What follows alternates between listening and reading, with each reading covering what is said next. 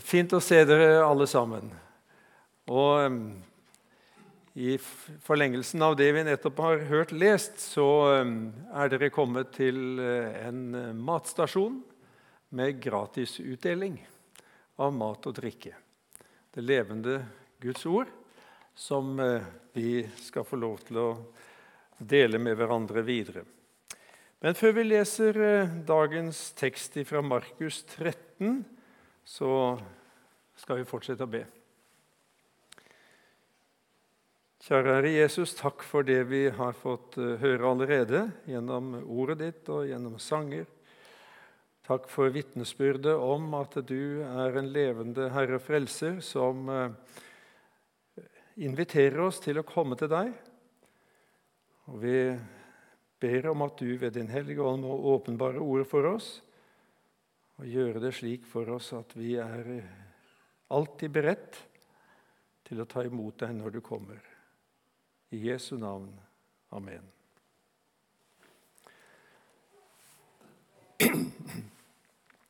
Om noen da sier til dere, 'Se, her er Messias', eller 'Se der', så tro det ikke. For falske Messiaser og falske profeter skal stå fram og de skal gjøre tegn og under for å føre også de utvalgte vill, om det var mulig. Men vær på vakt. Jeg har sagt dere alt på forhånd. Men eh, i de dager skal eh, Nei, unnskyld. Men i de dager etter denne trengsel skal solen bli formørket og månen ikke gi sitt skinn. Stjernene skal falle ned fra himmelen, og himmelkreftene skal rokkes. Og da skal de se Menneskesønnen komme i skyene med stor kraft og herlighet. Da skal han sende ut englene og samle sine utvalgte fra de fire vindretninger, fra jordens ende til himmelens ende. Amen. Alltid beredt, det er en speiderhilsen, vet vi. Jeg tror ikke jeg skal våge å, å prøve meg på eh, hvordan det virker med hendene og fingrene på rette vis. Men eh, vi skjønner jo litt hva det går i. Det gjelder å være klar til innsats hva tid som helst.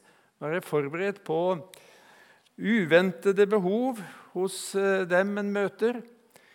Vær våken og vær beredt. Det er én eh, overraskende begivenhet som det er eh, viktigere enn noe annet å være forberedt på. Og det er Jesu gjenkomst, som vi har hørt om nå i teksten. Ja, for Jesus skal komme synlig igjen til jorda. Denne Jesus som er tatt opp fra dere til himmelen, skal komme igjen på samme måte som dere så ham fare opp til himmelen.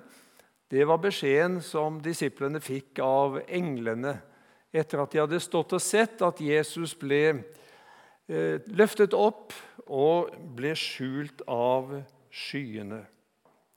Etter sin eh, død og oppstandelse så for Jesus opp til himmelen som sann Gud og sant menneske. Han eh, var ikke den samme som da han kom ned til jorden, for, eh, eller før han kom ned til jorden. For eh, Jesus er for alltid menneske, samtidig som han er Guds sønn. Der ved Faderens høyre hånd der sitter han som vår bror og vår forbeder og vår frelser. Og der kan han markere at han er en soning for alle våre synder. Det er en stor rikdom. Der ved Guds høyre hånd er han også kongers konge og herres herre. Han har virkelig all makt i himmel og på jord. Og eh, en dag så skal han komme igjen og demonstrere det fullt ut. Når Jesus kommer igjen, så kommer han ikke i fattigdom og skrøpelighet som han kom første gang. Nei, da kommer han i sin himmelske makt og herlighet, slik som vi hørte om i slutten av teksten vår. Og da skal de se menneskesønnen komme i skyene med stor kraft og herlighet. Da skal han sende ut englene og samle sine utvalgte fra de fire vindretninger, fra jordens ende til himmelens ende. Tenk for en dag det blir da Jesus skal hente alle sine utvalgte, det betyr eh, de som tror på ham, hjem til seg. Alle som tror på Jesus, de hører med til hans utvalgte. Det betyr eh, de som Gud vedkjenner seg som sine barn. Og Siden vi får rett til dette for Jesus skyld, så heter det i Efeserbrevet 1,4 at i ham, altså i Jesus, så har han, altså Gud, utvalgt oss fra, fra altså før verdens grunnvoll ble lagt, for at vi skulle være hellige og ulastelige for hans åsyn. Sammen med de som er døde i troen på Kristus, skal vi da bli rykket opp i skyene, i luften, for å møte Herren og så skal vi være sammen med Herren for alltid. Vi skal få være for Guds trone og tjene ham dag og natt i hans tempel. Og han som sitter på tronen, han skal reise sin bolig over oss. Vi skal ikke hungre mer, heller ikke tørste mer. Solen skal ikke falle på oss eller noen hete. For lammet som er midt for tronen, skal vokte oss og føre oss til livets vannkilder. Og Gud skal tørke bort hver tåre fra våre øyne. Ja, det er Skriftens vitnesbyrd, litt tilpasset oss. Har vi ikke grunn til å glede oss til dette? Det står i en sang som handler om dette. Når min forløsning stunder til, jeg gledes vil, og løfter opp mitt hode. Da løses jeg, da går jeg inn til vennen min. Gud være evig lovet. Men det ligger også et alvor over denne dagen da vi skal se menneskesønnen komme i skyene med stor kraft og herlighet. Det som begynte som en alminnelig dag, det fikk avgjørende betydning for evigheten. For det er bare hans utvalgte som blir hentet hjem til himmelen. De andre, de vantro, blir tilbake og må møte Jesus som dommer. For når Jesus kommer igjen, så kommer han i sin guddommelige herlighet, slik at alle skal se ham, også de som har ikke har trodd på han. Da skal de umiddelbart innse at de har tatt feil. Jesus sier at de skal bryte ut i klagerop. I oppveksten så ble jeg helst eh, engstelig når jeg hørte om Jesu gjenkomst. Og Det hadde sin naturlige årsak, for jeg var ikke sikker på om jeg tilhørte Jesus, og om jeg da ville bli med når Jesus kom igjen. Det var ingen god opplevelse. Det er sikkert andre også som har hatt noe lignende erfaringer. Men så gikk det mange, mange år. Og da fikk jeg være vitne til, eh, sammen med familien, et eh, sjeldent naturfenomen i hjemplassen til eh, kona mi, Målfred, litt lenger nord her. Det er ikke så ofte det er eh, nordlys på disse sydlige breddegrader. Og det var et spesielt nordlys den gangen, for eh, av og til så kan nordlyset bli veldig sterk rødfarge. Og det var det den kvelden. Og Vi sto der og så opp eh, på, på denne, dette underlige fenomenet. Og Det som var litt spesielt, det var at det var liksom, ja, om vi kan kalle det blodrødt rundt omkring. Og så var det en åpning sånn ca. midt over oss. Og jeg tenkte med meg sjøl jeg ville ikke blitt forundret om Jesus kom igjen i neste øyeblikk. Eh, jeg vet ikke om jeg klarer å formidle det, det spesielle som vi fikk oppleve da. Det, som, eh, det, det var jo fascinerende sånn, nat, som et naturfenomen. Men det som gjorde meg spesielt glad, det var at jeg var glad med tanken på at kanskje Jesus kom i neste øyeblikk. Det hadde altså skjedd noe i løpet av de årene, eller mellom de årene fra ungdommen og til, til eh, der jeg var. For jeg hadde blitt trygg på at jeg hørte Jesus til. Jeg hadde fått det vi kaller for frelsesvisshet. Og Slik skal du også få ha det om du tar imot Jesus når han kommer til deg gjennom sitt ord her og nå i dag. For alle dem som tok imot ham, dem gav han rett til å bli Guds barn, de som tror på hans navn. Tenk rett til å bli Guds barn, rett til å kalle meg som en av Guds utvalgte. Det er noe fantastisk stort. Bare fordi jeg har tatt imot Jesus bare fordi jeg tror på hans navn. For det er jo to sider av, av samme sak.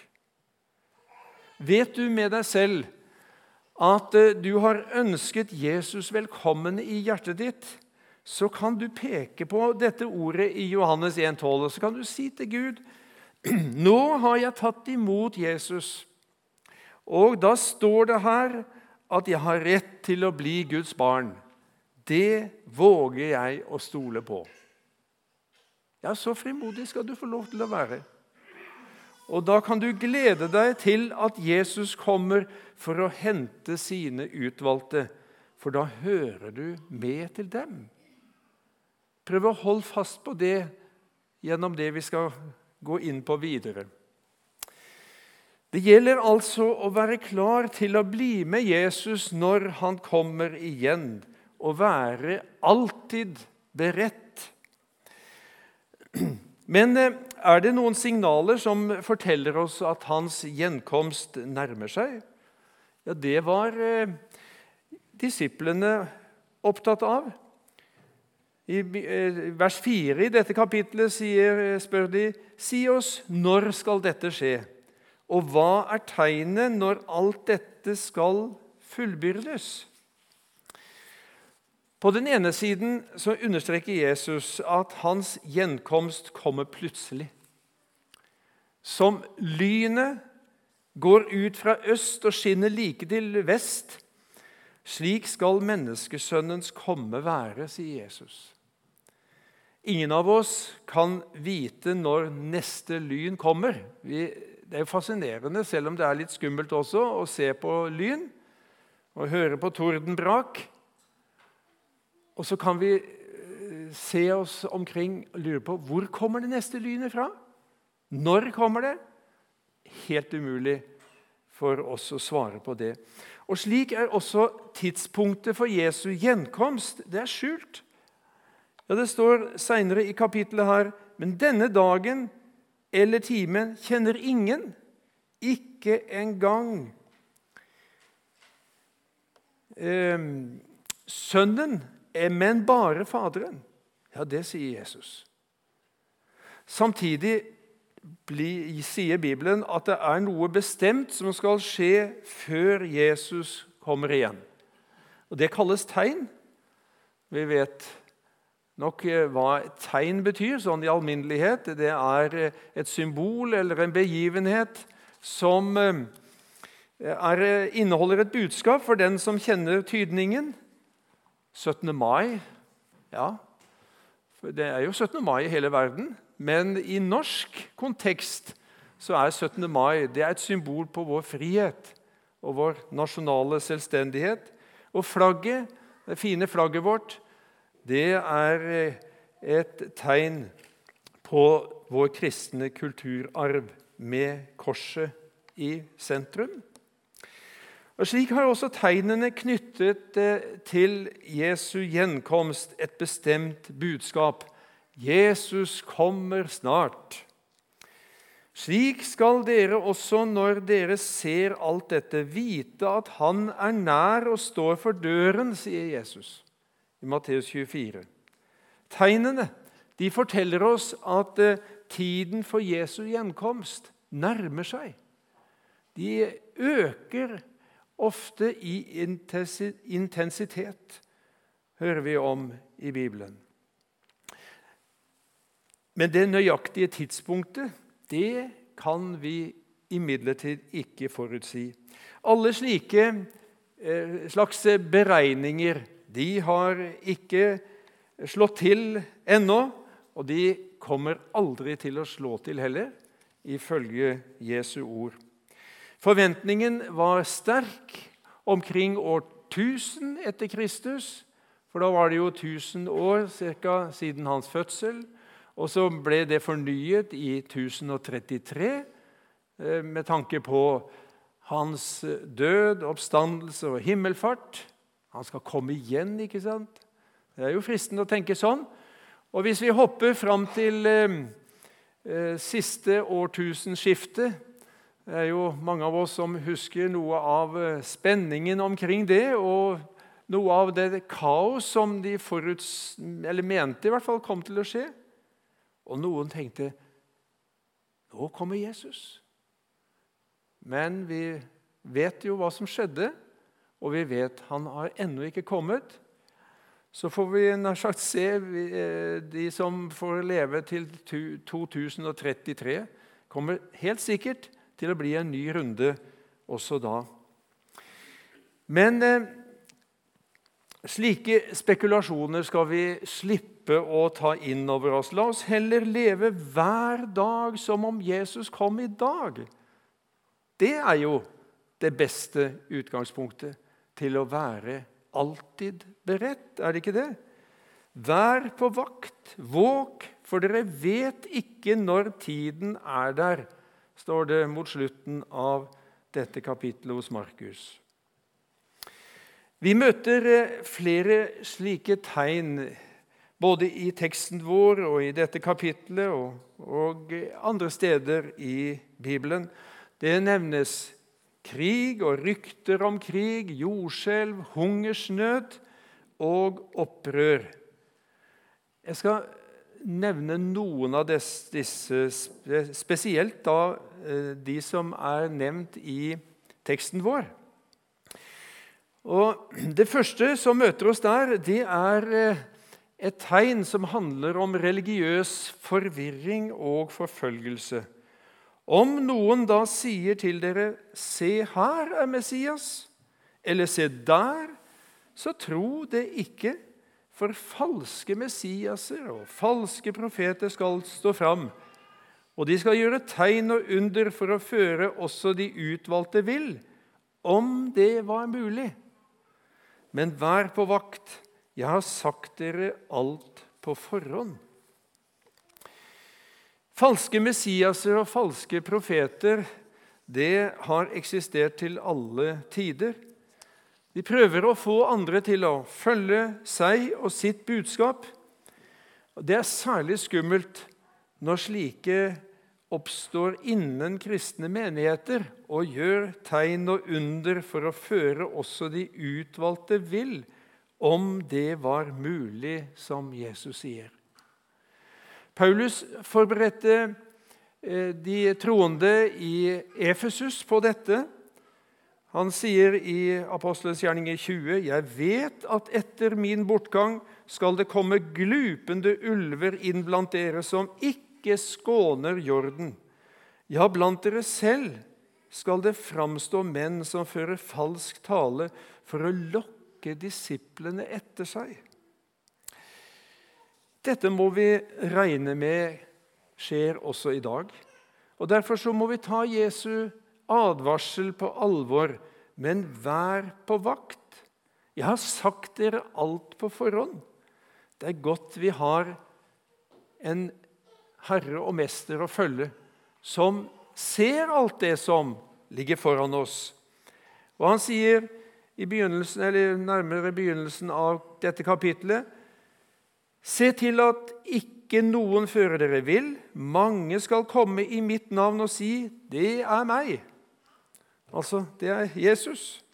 Og de skal føre mange vill. Vi må ikke bli blendet av fengende taler og spesielle fenomen, men vi må prøve det på Guds ord. For det er ikke alt sensasjonelt og, og spesielt som er verken åndelig eller kristelig. Vi lever på mange måter i en mer religiøs tid enn for bare en generasjon siden. Det er mer akseptert å snakke om eh, eh, merkelige ting som skjer, og, og, og, vi kan godt snakke om ulike veier til eh, en eller annen gud. Men hvis du er så frimodig at du sier det er bare én vei til den ene sanne Gud i himmelen, og det er Jesus Kristus, ja, da får du nok høre det. Og det er mange dessverre altfor mange rundt omkring i verden som får erfare ganske så sterke følger av et slikt vitnesbyrd. Det får vi høre noe om. Og Det er eh, akkurat det Jesus også forbereder oss på. At eh, forfølgelse av kristne og frafall fra troen det er også et av tegnene om at Jesus snart kommer igjen. Vi får heller si det sånn at det er vi i Norge som eh, lever i en mer unormal situasjon. Eh, unormalt fredelig. Men eh, vi får jo av og til noen signaler som tyder på at det kan forandre seg, og det kan skje kanskje fortere enn vi er forberedt på. I vers 12 og 13 i dette kapittelet så sier Jesus bror skal overgi bror til døden og en far sitt barn. Det er jo forferdelig. Og barn skal reise seg mot foreldrene og volde deres død, og dere skal bli hatet av alle for mitt navns skyld. Men den som holder ut til enden, han skal bli frelst. Han skal bli frelst.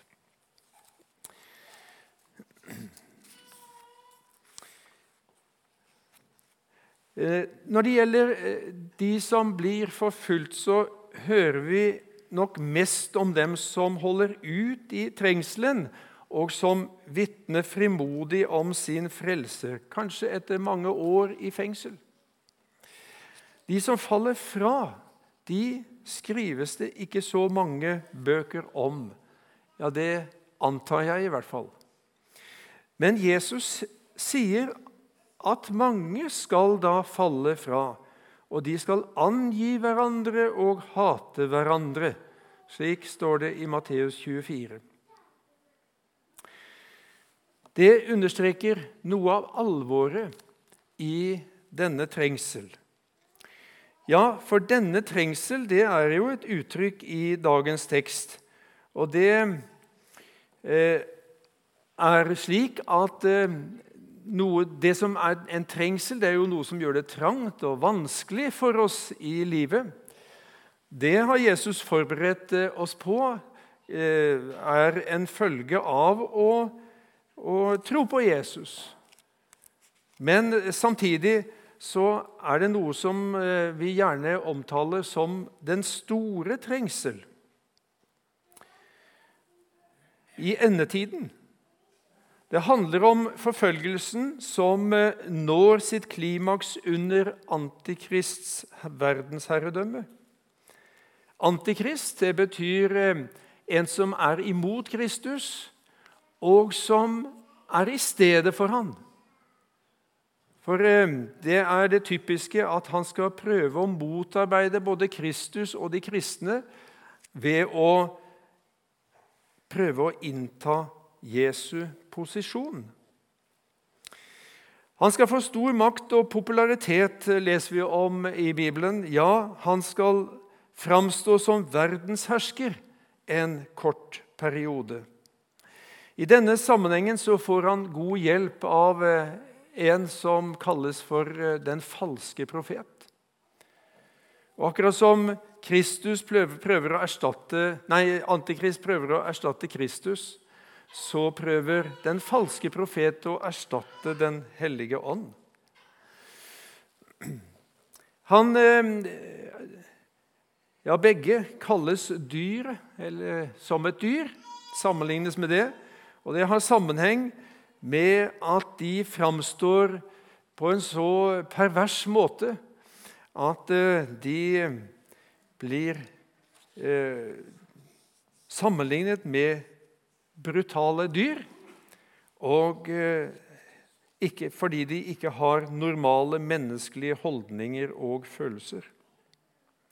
Ifølge Åpenbaringen 13 så skal det ikke være mulig å kjøpe og selge uten å ha dyrets merke på den høyre handa eller i panna. Og Nå eh, er det jo ikke så lenge siden vi har hørt noen eh, nyheter fra Kina hvor eh, de eh, satser på å ha overvåking av alle innbyggerne i landet. Og det er jo ikke få. Eh, men ved elektroniske hjelpemidler så skal de altså innføre et sosialt belønningssystem. At hvis du følger myndighetene og det de bestemmer, ja, så er du på plussiden. Men hvis du går din egen vei, så kommer du på minussiden, og da blir det begrenset hva du får lov til.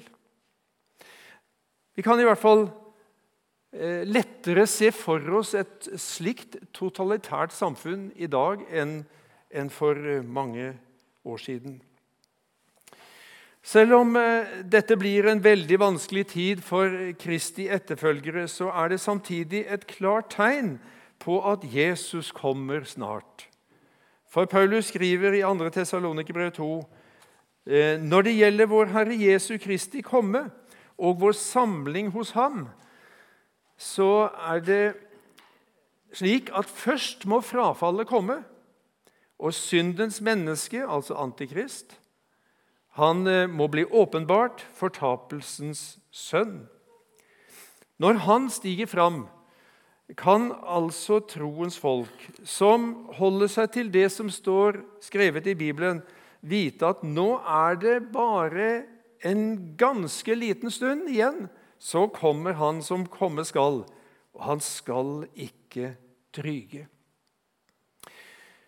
I 2. Tessalonikerbrev 2 så kalles også Antikrist den lovløse, fordi han skal lede an i et opprør mot Guds lover og samfunnets lover. Og Dette kommenterer Jesus slik i Matteus 24. Og fordi lovløsheten tar overhånd, skal kjærligheten bli kald hos de fleste. Tiden fram mot Jesu gjenkomst skal altså være preget av mangel på kjærlighet. Det henger også sammen med at menneskene blir stadig mer opptatt av materialisme, av ting, slik som det blir uttrykt i 2. Timotius brev 3. Men dette skal du vite, at i de siste dager skal det komme vanskelige tider. For menneskene skal da være egenkjærlige, pengekjære. Er altså to ting. Det har med kjærlighet å gjøre, ja, men det er en forvrengt kjærlighet som stenger Guds kjærlighet ute. Ja, vi kjenner eh, noen av disse signalene i tida, gjør vi ikke? Selv om vi i flere år er blitt eh, kåret til verdens beste land å bo i, så er det mange dessverre som opplever det kaldt i samfunnet vårt. De tegnene som jeg har nevnt nå, de har vært av negativ karakter. Men det er to tegn som skiller seg ut fra de andre og gir virkelig grunn til glede. Og Det første det handler om Israel, som Jesus sier i Lukas 21. Og Jerusalem skal ligge nedtrådt av hedningene inntil hedningefolkenes tider er til ende. Etter 2000 år i diaspora fikk jødene på underlig måte landet sitt tilbake i 1948. Og eh, nå er det jo slik at det er ennå bare noen tusen messiastroende jøder i Israel. Men, står det i Rombrevet 11, en dag skal hele Israel bli frelst. Da skal den store majoriteten av jøder anerkjenne Jesus som Messias. Tenk for en dag det skal bli. Og så er det et positivt tegn til, og det handler om misjon. Ja, det viser at Jesus han mente alvor da han sa at disiplene skulle være hans vitner like til jordens ende. Misjonsbefalingen skal altså oppfylles før han kommer igjen. Ja, slik leser jeg dette. Ikke slik at alle mennesker skal bli kristne, men som det står her i Markus 13, 10, Først må evangeliet forkynnes for alle folkeslag. Først må evangeliet forkynnes for alle folkeslag. Alle folkeslag skal altså få høre evangeliet. Ennå er ikke dette oppfylt, men eh, med mange vitner og moderne kommunikasjonsmidler så trenger det ikke ta så lang tid før også disse har fått høre evangeliet. Dette tegnet det har vi ansvar for å bidra til å oppfylle. Har du tenkt på det? Ja, gjennom mer intensiv misjonsvirksomhet tror jeg vi kan fremskynde dagen for Hans komme, slik det uttrykkes i 2. Peters brev 3. Da nå alt dette går i oppløsning, hvor nødvendig er det da at dere ferdes i hellighet og gudsfrykt mens dere venter på at Guds dag skal komme, og fremskynder den. Ja, jeg ser det for meg slik at eh, tidspunktet for Jesu gjenkomst er ikke en gitt dato i framtiden. Men det er på tilsvarende måte som da Jesus kom første gang. Da var det snakk om tidens fylde. Altså det var, det var, noen momenter som måtte oppfylles, være til stede omtrent som når du legger et puslespill. Da er tiden inne. Da kommer han. Og eh, da gjelder det for oss å være med og fremskynde dagen for Jesu gjenkomst. Vil du ikke være med på det? Er ikke det et fint perspektiv over misjonsvirksomheten? Her i 2. Peter 3 så står det til slutt at himlene skal oppløses i ild og himmellegemene smelte i brann. Og Det er jo også noe som Jesus uttrykker i dagens tekst. Men i de dager etter denne trengsel skal solen bli formørket og månen ikke gi sitt skinn. Stjernene skal falle ned fra himmelen, og himmelkreftene skal rokkes. Det skal altså bli store naturkatastrofer før Jesus kommer igjen. Og Det blir skildret flere steder i Bibelen, ikke minst i Johannes' åpenbaring. Nå er jo ikke sånne katastrofale framtidssyner noe som bare vi kristne snakker om.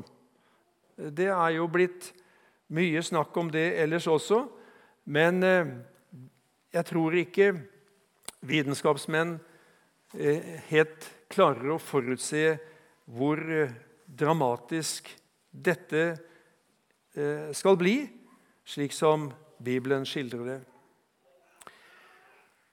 Og så til slutt Selv om tegnene kan ha litt forskjellig karakter, så har de ett felles budskap.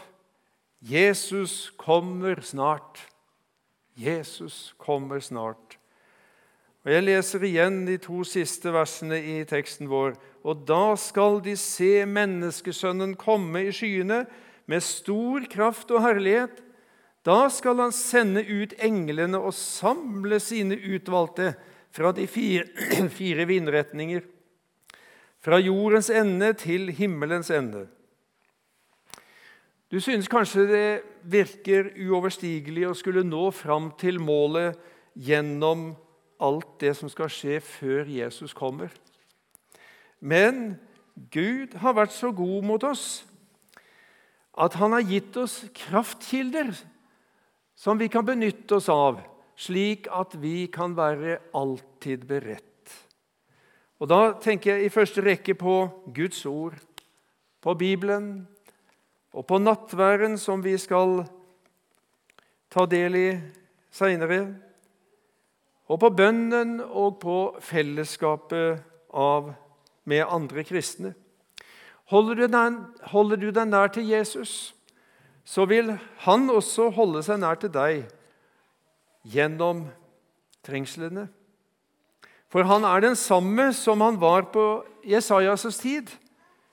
Hør, når du går gjennom vann, er jeg med deg, og gjennom elver så skal de ikke overskylde deg.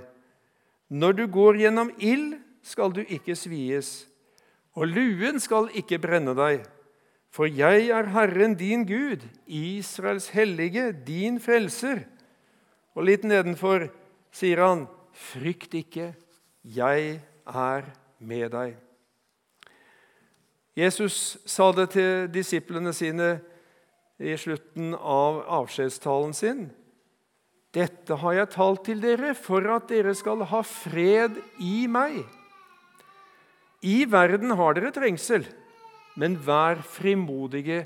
Jeg har overvunnet verden. De fleste tegnene de har, som vi har sett, negative trekk. Og Derfor så kan vi lett miste motet når vi hører om dem og tenker på dem.